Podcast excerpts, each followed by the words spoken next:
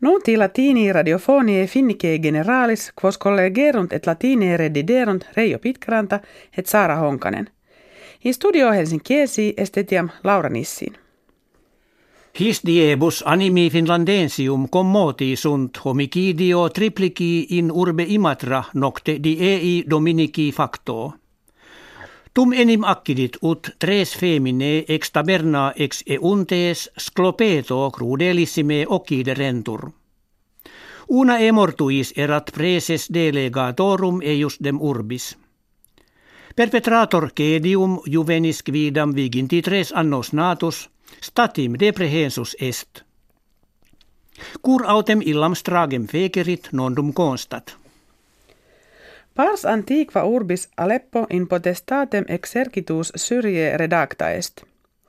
Copie regiminis postquam impetus in eas regiones facerece perunt, omnes vicos quos bellatores seditiosi obtinebant sibi expugna verunt.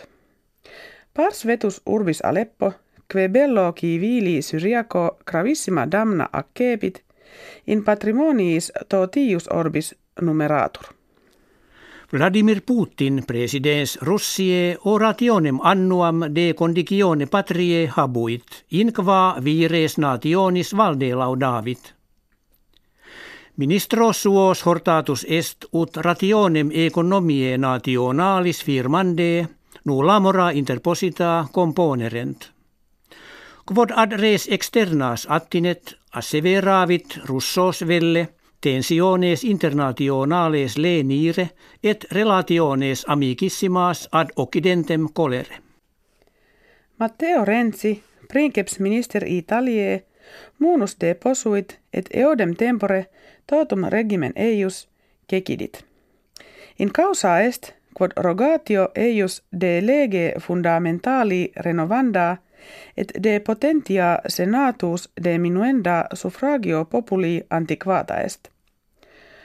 Quam evidens plebiscitum fuerit, inde apparet, quod sexaginta ferecen tesime kivium renovationi adversa bantur.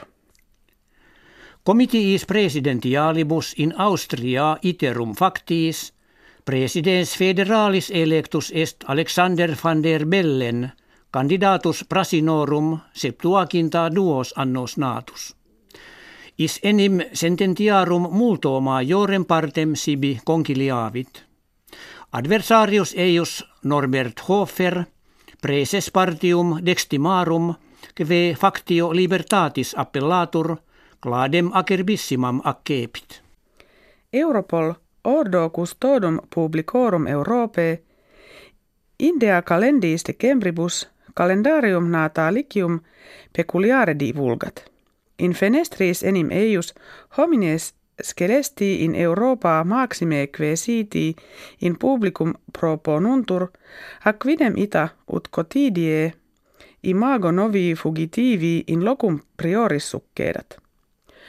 Omnes qui calendario recipiuntur scelera gravissima ut homicidia et delicta terroristica commiserunt. Numerus kivium pertussi laborantium hoc anno in Finlandia trecentorum unde octoginta fecit, kve multitudo duplo major est quam anno preterito.